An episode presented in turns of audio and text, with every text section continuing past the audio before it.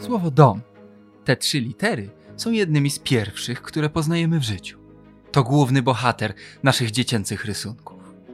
Dzień dobry. Przy mikrofonie Krzysztof Story, a wysłuchacie podcastu powszechnego. W tych rozmowach moi goście pokazują, że dom to znacznie więcej niż tylko cztery ściany. Zapraszam. Czujcie się jak u siebie w domu.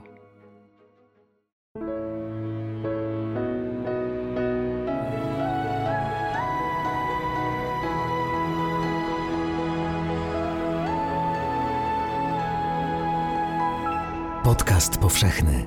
Weź, słuchaj. W poprzednim odcinku domu Zdzich Rabenda opowiadał nam o zaskakująco wygodnym życiu w jaskini na Teneryfie. W tym pozostajemy na Wyspach Kanaryjskich, ale opowiemy zupełnie inną historię. Historię o tym, że podróż tutaj nie dla wszystkich jest bezpieczna i wygodna. Moją gościnią dzisiaj jest Anna Albot, dziennikarka i aktywistka z Minority Rights Group, pomysłodawczyni Marszu dla Aleppo, od lat działająca na rzecz uchodźców i praw mniejszości. Dzień dobry, Anna. Dzień dobry. E, w 2020 roku do brzegów Wysp Kanaryjskich, bardzo często w dramatycznych okolicznościach, dopłynęło około 23 tysiące osób.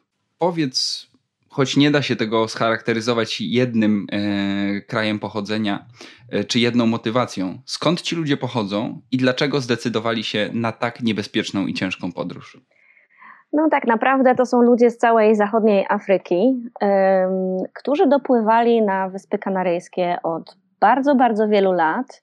E, tylko, że o tym niewiele słyszeliśmy z kilku powodów, ale głównie dlatego, że jednak ilość osób dopływających w przeszłości była zdecydowanie nieporównywalna do ilości, która przypłynęła w 2020 roku, ale też w tym roku, już, już teraz od początku roku dopłynęło na wyspy ponad 4000 osób, czyli 2021 będzie na pewno, e, na pewno jeszcze trudniejszym rokiem dla Wysp Kanaryjskich. No jakby spojrzeć na mapę, to najbliżej od Wysp Kanaryjskich jest Maroko, e, z którego dopływa największa ilość e, osób. Potem, jak spojrzymy odrobinę bardziej na południe, tutaj szkoda, że jesteśmy w radiu i nie możemy pokazywać mapy, ale jest Mauretania, potem Senegal, Ghana, Gwinea, e, to są kraje oddalone od Wysp Kanaryjskich o grube tysiące kilometrów. E, ludzie, których poznałam, którzy przypłynęli na łodziach, z najdalszych miejsc płynęli prawie 2,5 tysiąca kilometrów. To jest, to, jest, to jest niewyobrażalna podróż. A dlaczego teraz o tym mówimy? Dlaczego tak wiele osób w, ostatnich pół, w ostatnim pół roku dopłynęło na Kanary? to jest głównie COVID. E, to jest to, co nas wszystkich dotyka na bieżąco, nie musimy się tu wdawać w szczegóły. Natomiast e, sytuacja bardzo, bardzo trudna w zachodniej Afryce, czy to ze względu na, na biedę, czy to ze względu na zmiany klimatyczne, czy to ze względu na konflikty, bo to o każdym z tych krajów możemy mówić, opowiadać trochę inną historię. Tam już przed pandemią było bardzo trudno. Ja znam ludzi, którzy dopływali stamtąd przed pandemią. Natomiast y, moment pandemii i tego, że nie dało się już utrzymać. Y, ja, ja rozmawiałam z różnymi chłopakami na Teneryfie, którzy, którzy tak śmiali się patrząc mi w oczy, mówili, że no ty to możesz sobie pracować zdalnie w czasie, w czasie pandemii, skąd tylko chcesz, a my niekoniecznie. E, bo na przykład w takiej w takim Senegalu połowa ludzi była bezrobotna jeszcze przed pandemią, a co dopiero teraz. Więc to była taka, tak, tak, taki ostatni, ostatnia kropla, która, która się przelała. A wiadomo, że im więcej osób płynie i im większej liczbie osób się udaje dopłynąć, tym bardziej zachęceni są też następni tak powstaje coś, co potem nazywamy pewnymi szlakami migracyjnymi. Takimi utartymi ścieżkami, którzy, którymi się migranci poruszają. E, bardzo dobrze znamy ten śródziemnomorski, e, powiedzmy, szlak migracyjny i szlak wschodni. Tutaj obrazki z greckich wysp, na które dopływają uchodźcy czy migranci z Turcji. To jest nam sprawa bardzo dobrze znana. Ty wspomniałaś o odległości, o odległościach rzędu 2,5 tysiąca kilometrów. E, dla porównania, no, mm, Turcja od greckich wysp to jest, są, to jest kilkanaście kilometrów, więc dysproporcja jest olbrzymia. Wydaje się, że COVID nie jest jedyną przyczyną, że Kanary znalazły się na tym zachodnioafrykańskim szlaku migracyjnym tak mocno, no bo dotychczas y, migranci czy uchodźcy bardzo często wybierali, wybierali próbę przedostania się do hiszpańskich enklaw na samym kontynencie afrykańskim, czyli do Melii albo Ceuty. Czy tutaj coś się zmieniło? Tak, to był, to był główny szlak właśnie z tych wszystkich krajów, które wymieniałam wcześniej. Unia Europejska y, jakiś czas temu, trzy lata temu, dogadała się z Marokiem, zapłaciła Maroku straszne pieniądze, to jest tam ponad 170 milionów euro na tak zwane zajęcie się tematem migracji, czyli chodzi o to, żeby to nie Unia i unijni granicznicy zatrzymywali ludzi, tylko żeby Maroko jakoś sobie z tematem poradziło. To jest w ogóle bardzo ciekawy temat, e, nie tylko z Marokiem, ale w ogóle z wieloma afrykańskimi krajami, gdzie Unia Europejska, która szczyci się różnymi swoimi ważnymi wartościami, nagle decyduje się na dyskusję e, z dyktatorami, tak jak w Libii czy w Sudanie. Dokładnie taka sama sytuacja wygląda w Maroku. Maroko dostaje pieniądze za to, żeby uchodźców było mniej. Co Maroko z tymi pieniędzmi ro robi, to jest na pewno wzmocnienie tego płotu w Ceucie i Melii, wybudowanie jakichś tam dodatkowych y, elementów tego płotu. Jak tam byłam w zeszłym roku, to wiem, że też y, na przykład jeżdżą autobusy, które wożą ludzi z, z, z okolic płotu gdzieś na południe E, ale prawda jest taka, że nikt nie wie, co Maroko robi z tymi pieniędzmi, bo Unia Europejska e, nie zrobiła żadnego audytu tego, tego pomysłu, e, a dziennikarze, którzy zajmują się tematem migracji, nie mają wstępu do Maroka i znam kilkanaście osób, które próbując pogrzebać trochę więcej w temacie, była, była wyrzucana z kraju albo aresztowana. Ale na pewno zamknięcie tego kawałka, tej drogi w Ceucie i w Melii to jest bardzo ważny temat.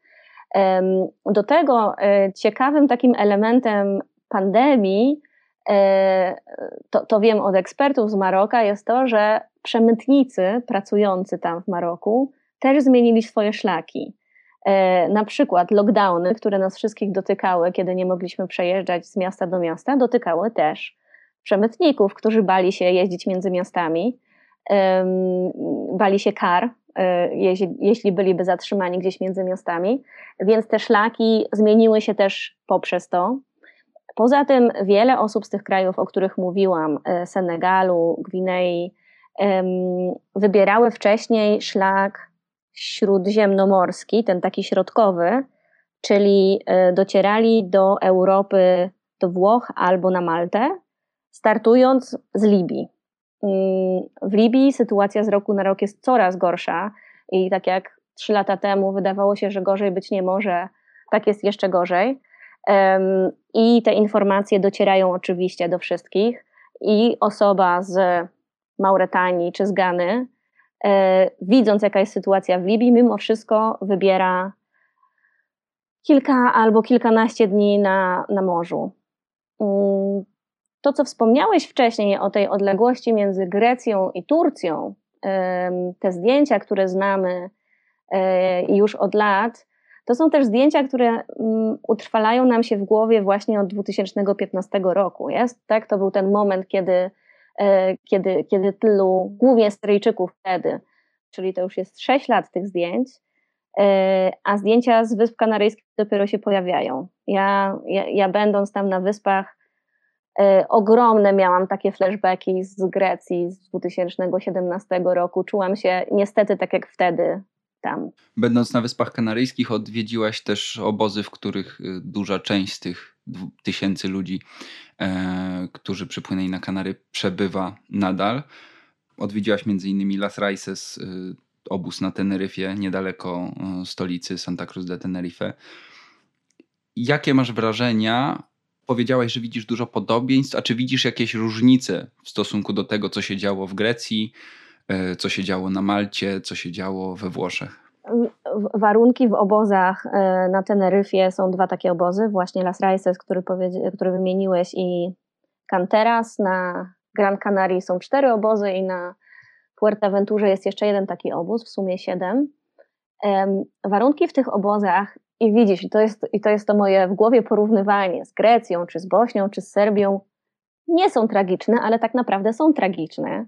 E, bo ludzie nie dostają wystarczająco jedzenia, nie ma ubrań, a tam wcale nie jest tak bardzo gorąco, szczególnie nocami. Ten obóz Las Raices jest e, położony w takim bardzo dziwnym kawałku, e, kilka kilometrów od miasta na wzgórzu, które jest bardzo wilgotne. Tam jest okropnie, okropnie zimno, tak, tak przejmująco zimno. E, nie ma kocy, ludzie mieszkają w 64-osobowych namiotach, jeśli jesteś sobie w stanie wyobrazić 64-osobowy namiot. Kolejki, pojedzenie. I kolejki, pojedzenie to jest poza tym, że, że jest to oczywiście bardzo, bardzo męczące, żeby trzy razy dziennie na śniadanie, obiad i kolację stać w kolejce, to to jest też takie bardzo upokarzające kiedy człowiek nie jest w stanie zdecydować, co i kiedy je. To jest taki temat e, nie tylko w obozach, ale też przy wszystkich ośrodkach e, tam na Wyspach Kanaryjskich, że zasady jedzenia są z góry określone. I oczywiście ma to swoje podstawy, łatwiej jest w ten sposób organizować życie uchodźców, ale jest to strasznie odczłowieczające. To jest nawet news chyba z zeszłego tygodnia w jednym z ośrodków w centrum miasta, w Santa Cruz ośrodku dla kobiet, dzieci i osób niepełnosprawnych, czyli tych takich osób, które są powiedzmy pod, pod, pod największą ochroną, które nie mają pozwolenia na wnoszenie jedzenia do ośrodka, bo mają posiłki, śniadanie, obiad, kolację. Była jakaś straszna awantura, nocna, e, nocne sprawdzanie pokoi i okazało się, że jedna z kobiet dla swojego dziecka miała dodatkowe mleko w pokoju, bo nie dostaje wystarczająco jedzenia i chciałaby, żeby jej dziecko nie było głodne i została wyrzucona z tego ośrodka za złamanie zasad, takich zasad. Myślę, że ten twój komentarz o tym, że te warunki nie są tak złe, jest takim świadectwem tego, jak bardzo przyzwyczailiśmy się do takich obrazów, do których chyba nie powinniśmy się przyzwyczajać albo być zmuszeni do tego, żeby się przyzwyczajać. Jest też taki obrazek z Wysp Kanaryjskich, właśnie związany z pandemią, e, kiedy tymczasowo uchodźców kwaterowano w nieczynnych na czas pandemii hotelach. Ja, ja uważam, że to było świetne rozwiązanie. E, musimy pamiętać, że Teneryfa e, i w ogóle całe wszystkie Wyspy Kanaryjskie e, opierają się, opierają swoją gospodarkę głównie na turystyce. I dla Wysp Kanaryjskich rok pandemii też był czymś okrutnie trudnym. Tutaj mamy dwie rzeczy naraz. Po pierwsze, dużo więcej osób przybywa, a po drugie, bardzo dużo osób traci e, źródło dochodu na miejscu. E, turyści przez ileś miesięcy w zeszłym roku nie byli w stanie dopływać, do, dolatywać i dopływać na Wyspy Kanaryjskie, więc e, hotelarze, restauracje traciły, no, no w ogóle bankrutowały, tak? Wielu, wie, wiele osób straciło pracę. I ten rząd lokalny wymyślił, że skoro są ludzie, którzy nie mają gdzie się zatrzymać, a z drugiej strony stoją hotele, które są puste, to zanim wybudują obozy takie z namiotami, które teraz widzimy na zdjęciu, to tymczasowo zostaną uchodźcy umieszczeni w e, hotelach. I to było takie trochę win-win, bo e, rząd do tego dopłacał, hotele dostawały za to pieniądze, oczywiście pewnie nie takie, które e, dostawaliby od pięciogwiazdkowych turystów, no ale zawsze to, to, to lepiej niż nic. Natomiast e, uchodźcy lądowali w dobrych, bardzo dobrych, szalenie dobrych warunkach z jednej strony. Z drugiej strony ochrona w tych, e, ochrona w, w hotelach to są takie firmy zatrudniane z zewnątrz. To nie jest Czerwony Krzyż, to nie są organizacje między, międzynarodowe, tylko właśnie firmy ochroniarskie to w ogromnej większości nie byli, nie byli ludzie, którzy byliby e, jakkolwiek przystosowani czy przetrenowani do takiej roli. Ja bardzo dużo, bardzo smutnych historii słyszałam. Kiedyś taki Hamza z Maroka opowiadał mi o tym, że że w, hotelach to nie mogli, nie, nie mogli niestety robić zdjęć i nie mogą mi pokazać na zdjęciach, jak tam wyglądało.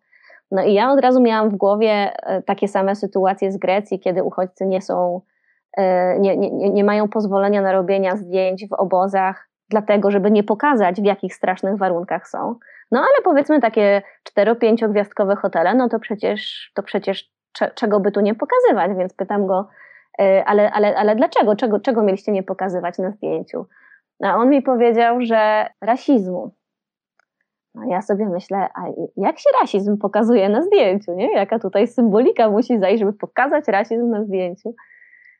A on mi zaczął opowiadać o sytuacjach poniżania, bicia, yy, gaszenia papierosów na nich, tortur, yy, no trze trzeba to nazwać bardzo jasno tortur, bo jeżeli gdzieś na korytarzu ktoś jest katowany albo ma e, czyścić podłogę liżąc ją, no to, to są tortury. No i to były sytuacje, kiedy oczywiście, jeżeli ktoś by robił takie zdjęcia czy nagrywał filmiki, to by wyszło na światło dzienne. I by, byli tacy, którzy próbowali to nagrywać, byli momentalnie bici i ich telefony były roztrzaskiwane o podłogę. E, widziałam kilka takich telefonów roztrzaskanych e, od chłopaków, którzy wychodzili poza hotele. Ale z tymi hotelami to chyba najwięcej kontrowersji wzbudziło to, że właśnie mieszkańcy wysp sami nie mieli pracy. I oni też by chcieli pewnie w cztero czy pięciogwiazdkowym hotelu pomieszkać. I, i tutaj ja, ja rozumiem tą frustrację. I oczywiście wtedy, um, jeśli pomyślimy o lokalnej polityce i o jakimś takim podjudzaniu, negatywnych uczuć, no to pewnie nazywanie um, chłopaków um, migrantami z hotelowych balkonów, którzy sobie żyją w luksusie, um, po, pobudza tylko te negatywne emocje. I rzeczywiście nawiązały się na wszystkich wyspach, na Wyspach Kanaryjskich, e, takie grupy przeciwników e, migracji, które się skrzykiwały, wysyłały sobie zdjęcia e, czarnoskórych ludzi gdzieś tam na ulicach, w jakichś zakamarkach wysyłali dokładną lokalizację i zbierali się, żeby, żeby ich pobić, albo ich nastraszyć, albo ich przekrzyczeć.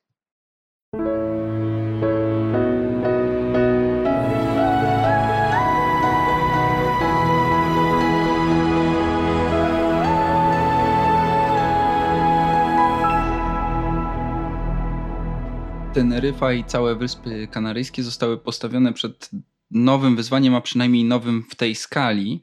I ja będąc tam i rozmawiając z ludźmi, miałem takie uczucie e, rozżalenia w stosunku do roli Hiszpanii w tym. Wyspy Kanaryjskie są od kontynentu europejskiego bardzo, bardzo daleko. Geograficznie leżą w Afryce. I czasami to się też przekłada na politykę i na taką pewną solidarność.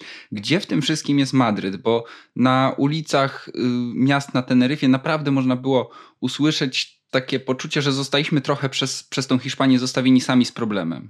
I ja im się wcale nie dziwię, bo to jest fakt. Nie? Teoretycznie Wyspy Kanaryjskie to część Hiszpanii i powinny być traktowane jak cała reszta Hiszpanii. Praktycznie przez wiele lat y, z taką gospodarką, z taką turystyką, to oni dokładali do budżetu Hiszpanii i Hiszpania jakoś tam powinna im pomóc w momencie, kiedy jest źle. Natomiast Hiszpania poszła, e, poszła greckim szlakiem i zdecydowała się na taki ruch no, bardzo prosty, e, żeby, żeby odciąć wyspy od, od Hiszpanii kontynentalnej. Czyli zrobili coś, co według prawa jest nielegalne i teraz różni e, prawnicy hiszpańscy walczą z tymi decyzjami, nie pozwoliły ludziom na przemieszczanie się między wyspami a e, Hiszpanią kontynentalną. Tutaj tylko dodajmy, że ta, to odcięcie nie dotyczy tylko uchodźców, ale również dla obywateli Hiszpanii czy turystów mm, przyjeżdżających na Kanary podróż między archipelagiem a kontynentem jest bardzo, bardzo utrudniona, a często niemożliwa. Tak, no i to jest coś, co y, nie powinno się wydarzyć, ale oczywiście dużo łatwiej jest powiedzmy zapanować nad tym, co się dzieje na wyspach, jeżeli ludzie nie mogą się przemieszczać. Uchodźca, który dopływa do brzegów Wysp Kanaryjskich i y, występuje o azyl, idzie na komisariat policji, mówi, że chciałby się starać o azyl, dostaje zaświadczenie, że takie podanie złożył, dostaje termin wywiadu, podczas którego sprawa będzie rozpatrywana. Rozumiem bardzo dobrze, że skoro przez ostatnie pół roku tak bardzo, bardzo, bardzo dużo osób dopłynęło na wyspy, te terminy muszą być bardzo odległe, bo to są to nawet, nawet w Niemczech w 2015 roku też był problem, że nie było wystarczającej ilości wyszkolonych ludzi, którzy mogą takie wywiady przeprowadzać, e, tłumaczy, ekspertów kulturowych, e, prawników, no to jest jakoś zrozumiałe. Teraz terminy takich wywiadów są na drugą połowę 2022 roku, ale mówię o tym dlatego, że w momencie, kiedy dostaje się taką kartę, to się nazywa biała karta, że jestem, złożyłem papiery, czekam na moje spotkanie, moje interview. Z taką kartą teoretycznie można podróżować po, całym, po całej terytorium Hiszpanii. E, I to jest coś, o co teraz ludzie walczą, bo wielu z nich, albo większość z nich ma e, przyjaciół, rodziny, dzieci, ojców, siostry e, w Hiszpanii. I, I dla nich czekanie na to interview, w regionie, w którym mają bliskich, w których mają rodzinę, byłoby czymś zupełnie innym, zupełnie, zupełnie innym, mniej frustrującym. A pamiętajmy, że to, przez co oni przeszli dopływając na Kanary, to jest, e, to jest, to jest niewiarygodna trauma. Ja z moimi doświadczeniami w Grecji, gdzie ludzie płynęli 10 godzin i, i dopływali w strasznym stanie, teraz spędzając czas z ludźmi, którzy byli na takiej łodzi 10 dni, często z, z osobami, które nie przeżyły po drodze, to, to, jest, to jest nieporównywalna trauma. O tą podróż chciałbym Cię też zapytać i o wspomnienia e, z niej, e, które na pewno w rozmowach z, z uchodźcami na Kanarach e, były Ci opowiadane. Ostatnio cały świat oglądał zdjęcie dwuletniej bodajże dziewczynki z Mali, którą na, na pomoście e, portowym reanimuje dwóch pracowników Czerwonego Krzyża. Takich obrazków było dużo. Ta podróż y, była bardzo trudna, a dla wielu osób skończyła się y, fatalnie. Dlaczego? Powiedz, jak to jest zorganizowane? Co musi zrobić człowiek mieszkający w zachodniej Afryce, żeby w ogóle się na takiej łodzi znaleźć?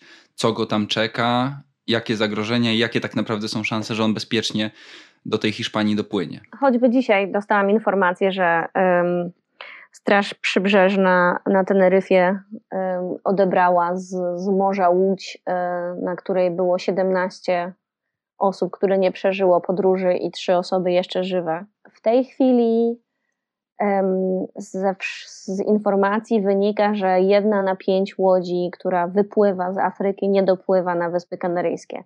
To wiadomo stąd, że e, ludzie po tamtej stronie, rodziny, bliscy, nawiązują kontakt z, z różnymi organizacjami na Wyspach Kanaryjskich, pytając, próbując się dowiedzieć, czy, czy mają jakieś informacje o ich bliskich, jeżeli przez 10 czy 14 dni od nich nie słyszą. Więc jest wiedza o łodziach, które wypłynęły i na pewno nie dopłynęły. Takie miejsce na łodzi kosztuje nawet i 4000 euro. E, to jest też coś, co się bardzo zmieniło w tym roku. Jeszcze, jeszcze rok temu takie przepłynięcie to było około 1000 euro, teraz to już, jest, to, to już są 4000. Coraz więcej osób jest tym zainteresowanych, ale też coraz więcej e, przemytników e, zdało sobie sprawę, jaki świetny to jest biznes. E, no to są ogromne pieniądze. Żeby mieć takie pieniądze, trzeba albo sprzedać swój dom, albo swoją łódź, albo swój sklepik. Najczęściej składa się na to cała rodzina. No i tak, wiele, wiele osób wypływa z, z Maroka, z Sahary Zachodniej, bo to jest najkrótsza trasa, najmniej ryzykowna trwa najkrócej, ale żeby tam dotrzeć, no to trzeba te kilka tysięcy kilometrów przejść, co oczywiście też nie jest łatwe i co też kosztuje, bo żeby przejść czy z Gany do Senegalu, czy z Senegalu do Maurytanii, czy z Maurytanii do Sahary Zachodniej, to też są duże pieniądze, ale nie wiem, nie wiem w tej chwili jakie. W każdym razie łodzie są różnych rozmiarów. Największą e, łódź, o jakiej słyszałam, było na niej 152 e, osoby. Teraz przeciętnie dopływają takie, takie 100-osobowe łodzie. No to łatwo policzyć. 100 osób razy 4000 to jest bardzo dużo pieniędzy. To są takie drewniane afrykańskie łodzie, które, e, które nie są w żaden szczególny sposób przygotowane, przystosowane. Nigdy nie sprawdzałam, ile taka łódź kosztuje, ale nie może kosztować dużo, bo każdy rybak w Senegalu ma taką łódź. Mm, na łodzi jest silnik, benzyna, której starcza na, mm, na tam te 10 czy 12 dni, ale oczywiście jeżeli jeżeli się zdarza e, sztorm czy wiatr, który wieje w drugą stronę, e, benzyna kończy się wcześniej. Jest butla gazowa, na której można sobie coś ugotować. No i jest jakaś tam niewielka ilość wody i jedzenia. E, ludzie wchodząc na tę łódź ufają przemytnikom, że tej wody i tego jedzenia jest wystarczająco dużo, no bo przecież oni to organizują, oni się na tym znają. Poziom zaufania do przemytników i do informacji uzyskanych przez, y, od przemytników jest ogromny. To jest, to jest coś, co, co mnie bardzo zaskakiwało w każdej mojej rozmowie. Ludzie, których tam spotkałam, zazwyczaj, zazwyczaj to jest tak, że, że, że sobie siadam, zaczynam z kimś rozmawiać i potem, żeby ta historia przepłynięcia była jakaś taka łatwiejsza do opowiedzenia, ja zazwyczaj ludzi proszę o to, żeby mi pokazali zdjęcia albo filmy z tego przepłynięcia.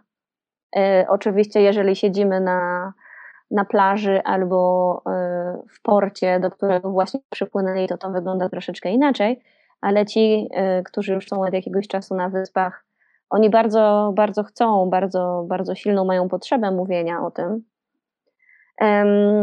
Wypływają jedzenie, woda kończy się szybko. Chyba nie spotkałam osoby, która by nie była zmuszona do picia słonej morskiej wody po drodze, co oczywiście wiąże się z zatruciami, z, ze złym samopoczuciem. E, do tego jesteśmy na otwartym morzu, ale też otwartym, mocnym afrykańskim słońcu. E, czasem ludzie budują sobie z, z kurtek czy z jakichś e, peleryn takie pseudo dachy, żeby, żeby, żeby nie być na tym otwartym słońcu. Miejsca na takiej łodzi jest bardzo niewiele, szczególnie jeśli wciśnie się na nią 100 osób. E, coraz częściej e, na łodziach przypływają kobiety i dzieci. Mm, są, są łodzie, na których jest większość kobiet i dzieci. I to jest coś, co ja jako matka dwójki dzieci, to jest coś, czego ja sobie, tego elementu nie potrafię sobie wyobrazić, chociaż bardzo próbuję, jak to jest spędzić 10 dni na przykład z dwuletnim i trzyletnim dzieckiem, które nie może się ruszyć, bo wpadnie do wody, albo zajmie przestrzeń komuś innemu. Jak, jak w ogóle wytłumaczyć dzieciom, co się dzieje? Jak, jak, nie mieści mi się to w głowie. Jest taka polska piosenka z refrenem Na niebie tylko helikoptery. I ten odgłos helikopterów ja pamiętam z Teneryfy. Jego często było słychać, e, kiedy właśnie hiszpańskie służby wylatywały czy wypływały, e, przejmując takie łodzie na, jeszcze na pełnym morzu. Ten twój opis, a w zasadzie opis, który, który konstruujesz ze wspomnień Mm, bohaterów e, takiej podróży jest przerażający. Co musi się wydarzyć, żeby skłonić człowieka do, tak, do podjęcia takiego ryzyka, żeby skłonić na przykład właśnie matkę z małymi dziećmi do zaokrętowania się na taką łódź, podjęcia takiego ryzyka? Jakie to są motywacje? Mm, ile osób, tyle motywacji. Mm, jedno mają wspólnego to to, że jeśli ktoś decyduje się zrobić coś takiego, wiedząc, jakie są statystyki, wiedząc jakie są odległości, no bo oczywiście, że wiedzą, wsiadają, wsiadając na taką łódź, to znaczy, że nie mają jak żyć w tym miejscu, w którym są. Nikt z osób, z którymi rozmawiałam, e, które wychodziły z łodzi, e, nie płynąłby, nie ryzykowałby swojego życia, swojego, swojego dziecka, swojego męża, e, jeśli miałby inne wyjście. To są, to są bardzo często ludzie, którzy próbowali innych wyjść, próbowali przejść i pracować w kraju sąsiednim, w którym być może było trochę więcej pracy. E, poznałam chłopaków, którzy opowiadali mi e, to, jak wysyłali różne aplikacje, listy do różnych krajów w Europie, żeby, żeby pracować legalnie, żeby pracować Y, czasowo, nie? Na przykład w, w, jakimś określonym czasie w roku i wracać do siebie. Chodzi, chodzi przecież o to, żeby zarobić pieniądze i mieć z czego żyć. No niektórzy, tak jak y, na przykład obywatele Mali, tam dzieją się bardzo trudne rzeczy, czy w Kongo, gdzie, gdzie trwa wojna, no to to są, to są takie rzeczy, które nam jest łatwiej zrozumieć, prawda? Jest wojna, Y, trzeba uciekać od palących się domów, to jakoś tak łatwiej nam to sobie wyobrazić. Natomiast jeśli, y, jeśli chodzi o bardziej skomplikowane rzeczy, na przykład takie jak w Senegalu czy w Gambii, w całym przemyśle rybackim, ryb w oceanie przy Senegalu i Gambii jest coraz mniej i tutaj mamy y, my jako Unia Europejska bardzo bezpośredni na to wpływ, bo Unia y, płaci y, różnym wielkim chińskim korporacjom za to, że wyławiają swoimi dużymi łodziami, które mają oczywiście dużo lepszy sprzęt niż, niż rybacy w Senegalu czy w Gambii, ryby, z których oni żyli latami. To jest, to jest taki, taki ciekawy, ciekawa schizofrenia, bo z jednej strony Europa, my, Europejczycy, jesteśmy tymi, tymi gospodarzami, którzy nie pozwalają e, uchodźcom, imigrantom wejść e, do naszej Europy, chociaż są głodni, zmęczeni i nie mają ryb u siebie, a z drugiej strony, jeśli spojrzymy tutaj na biznes, jesteśmy Y, klientem tych wielkich chińskich firm i skupujemy od nich te super tanie rybki, z których możemy zrobić mąkę, dzięki której nasi rolnicy karmią bydło w Europie i to, to, to, dla, dla, mnie to jest, to jest niewiarygodne, że to się tak kręci, jak mało osób o tym mówi, ale też jak bardzo świadomi są tego y, ludzie stamtąd. Miałam taką trudną rozmowę E, z, z chłopakiem z Senegalu, e, Adamą, który mówił mi, jakie to jest niesprawiedliwe, dlaczego wy wszyscy możecie sobie do nas przyjechać, czy jako turyści, czy, czy jako biznesmeni, możecie przyjechać, założyć firmę, jaką tylko chcecie, a my nie możemy nawet na dwa miesiące przyjechać, żeby pracować w Hiszpanii w zawodzie, którego nikt z was nie chciałby wykonywać, e, a my dzięki temu moglibyśmy przeżyć i nasze dzieci mogłyby przeżyć. Te historie y, z Gambii, te historie o, o wyławianiu ryby, a potem mm, zatrzaskiwaniu drzwi przed ludźmi, którzy by chcieli po tą swoją rybę przyjechać albo do pracy, e, świetnie opowiada i myślę, że to jest miejsce na polecenie. E, polski dokument reżyserki Gosi Juszczak mm, pod tytułem Stolen Fish, czyli skradziona ryba. Możemy śmiało chyba polecić. Bardzo polecam, tym bardziej, że główny bohater filmu Stolen Fish Abu jest jednym z chłopaków, którzy e, pod koniec 2020 roku dopłynęli właśnie na Teneryfę, czyli jest no, najlepszym przykładem tego, o czym tutaj podczas całego tego naszego spotkania mówimy. Ja nie bez powodu wspomniałem film, bo chciałem też wspomnieć właśnie postać Abu, e, bo jemu udało się jeśli tak to można nazwać. Abu obecnie e, przebywa w Sewilli. Chciałem Cię zapytać o los tych, którym się udało, którym e, którzy dotarli nie tylko na Wyspy Kanaryjskie, ale też do kontynentalnej Hiszpanii, bo to jest zazwyczaj cel. Jak, y, na ile orientujesz się w ich historiach, jak im się wiedzie, jak układają sobie życie, kiedy już ta ich podróż bardzo ciężka się skończy? Udało się, to są bardzo trudne słowa tutaj w, tej, w, tym temacie. Poznałam chłopaków na Teneryfie, którzy zdecydowali się płynąć dalej i na przykład wsiedli, schowali się pod e, ciężarówkami, które e, płyną promem z Wysp Kanaryjskich do Hiszpanii kontynentalnej. I na przykład wsiadali pod taką ciężarówkę e, i wychodzili na innej wyspie kanaryjskiej, na Fuerteventurze, bo okazało się, że ktoś ich źle poinformował i, i wsiedli na złą ciężar, pod złą ciężarówkę.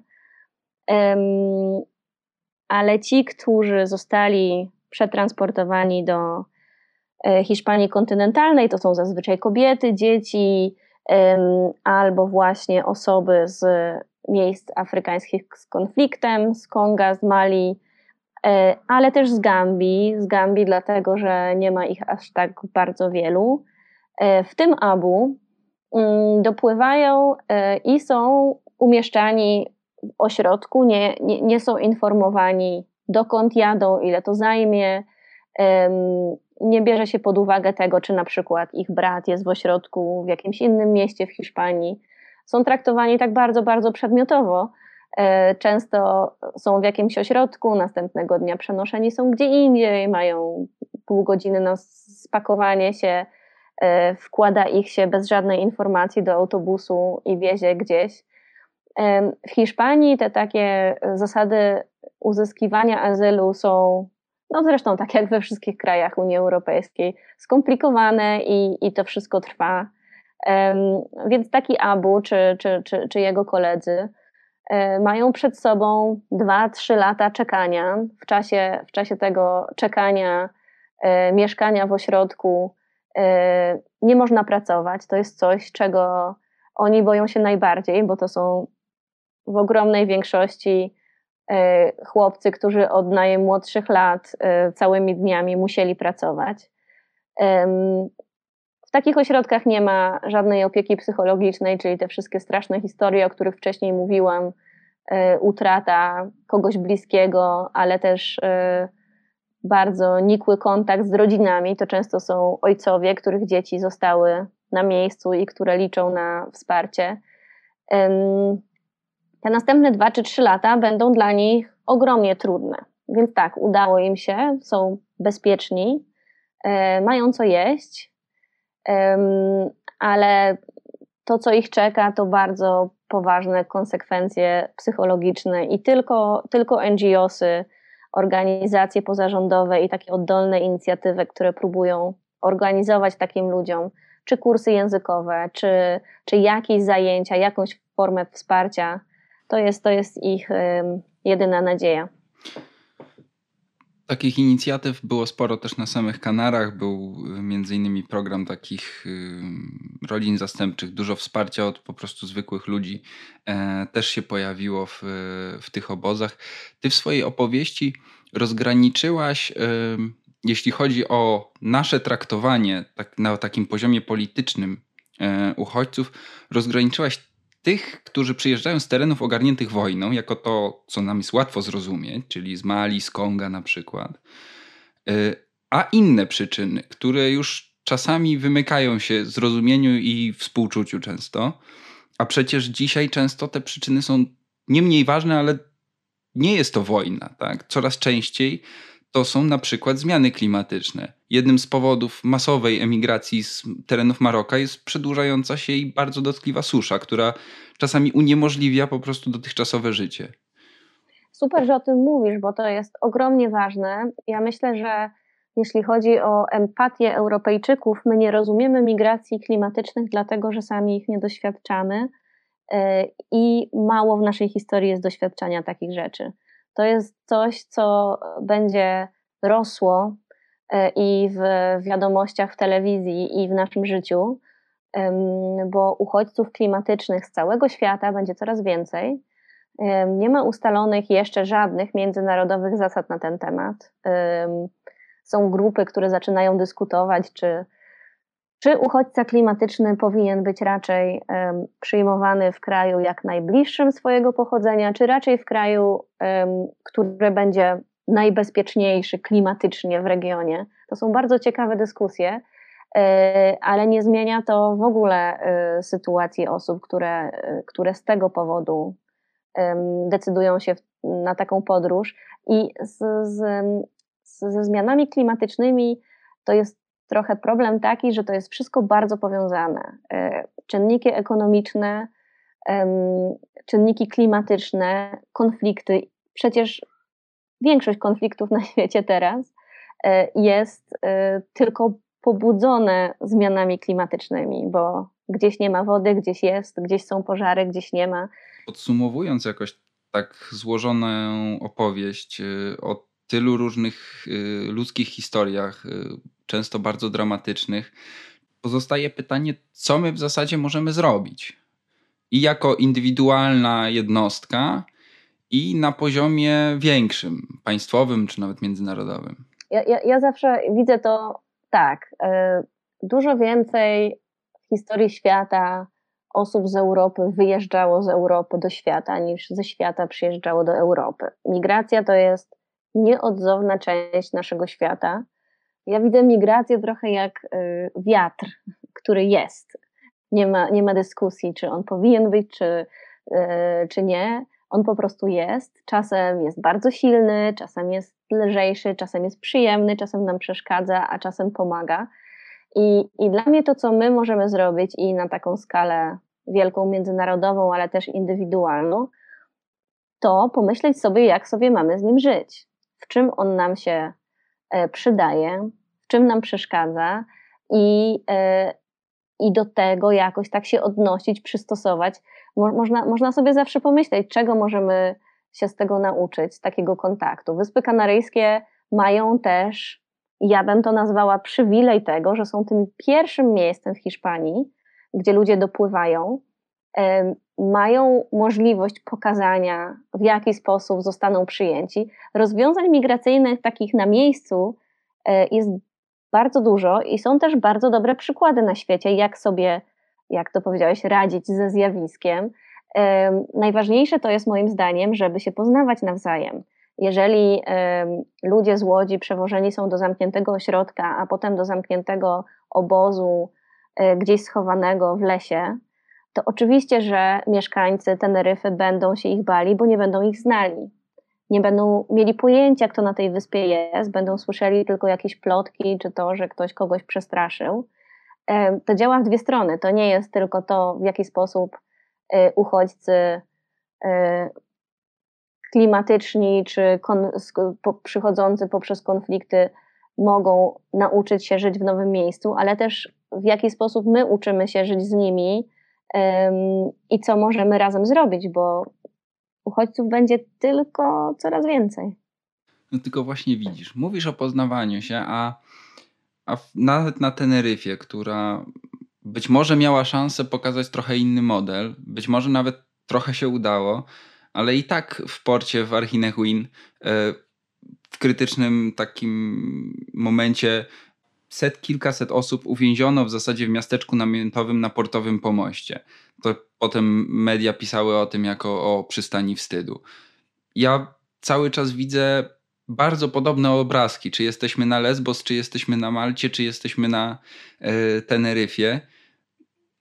Jak to jest, że my ciągle popełniamy te same błędy? Że ciągle faktycznie odnosząc się do Twojej analogii, próbujemy udawać, że wiatru nie ma albo z nim walczyć? No bo komuś się przydaje ta narracja tego, że to trzeba z tym walczyć. Zobacz, są y, sytuacje, ja tutaj w Berlinie na przykład, w którym mieszkam, pamiętam w 2015, kiedy tylu Syryjczyków przyjechało do Berlina E, pamiętam wycieczki szkolne moich dzieci e, pod ośrodki. Dzieci na całe dni szły z kredkami, flamastrami bawić się z dziećmi uchodźczymi. Zresztą w Las Raices na Teneryfie też się to odbywa. Przychodzą e, dzieciaki ze szkoły z nauczycielami spędzać razem czas. To jest kwestia woli politycznej, bo można sytuację wykorzystać negatywnie, a można inaczej. To jest tylko i wyłącznie polityka. To tak jak w Polsce w 2015 e, e, większość Polaków była za przyjęciem uchodźców, dwa miesiące później była absolutnie przeciwko. Teraz sześć lat minęło, temat przestał być taki e, ważny i ważnie używany politycznie i znowu większość jest za. To jest tylko i wyłącznie kwestia polityki. Polityki, która chyba nie powinna nam zaburzać chęci poznania się. E, I to jest myśl, z którą Państwa zostawimy. E, moją gościnią dzisiaj była Anna Albot, dziennikarka i aktywistka z Minority Rights Group, od lat działająca na rzecz uchodźców i praw mniejszości. Dziękuję Ci bardzo za rozmowę. Bardzo dziękuję za zaproszenie. I to już wszystko w tym odcinku podcastu powszechnego. Ja nazywam się Krzysztof Story i dziękuję Państwu za to spotkanie. Do usłyszenia. Współwydawcą podcastu powszechnego jest Fundacja Tygodnika Powszechnego. Jeśli słuchają nas Państwo w Spotify albo w Apple Podcast, zasubskrybujcie nasz kanał. Jesteśmy też w Google Podcast i w aplikacji Lekton oraz na www.tygodnikpowszechny.pl/podcast.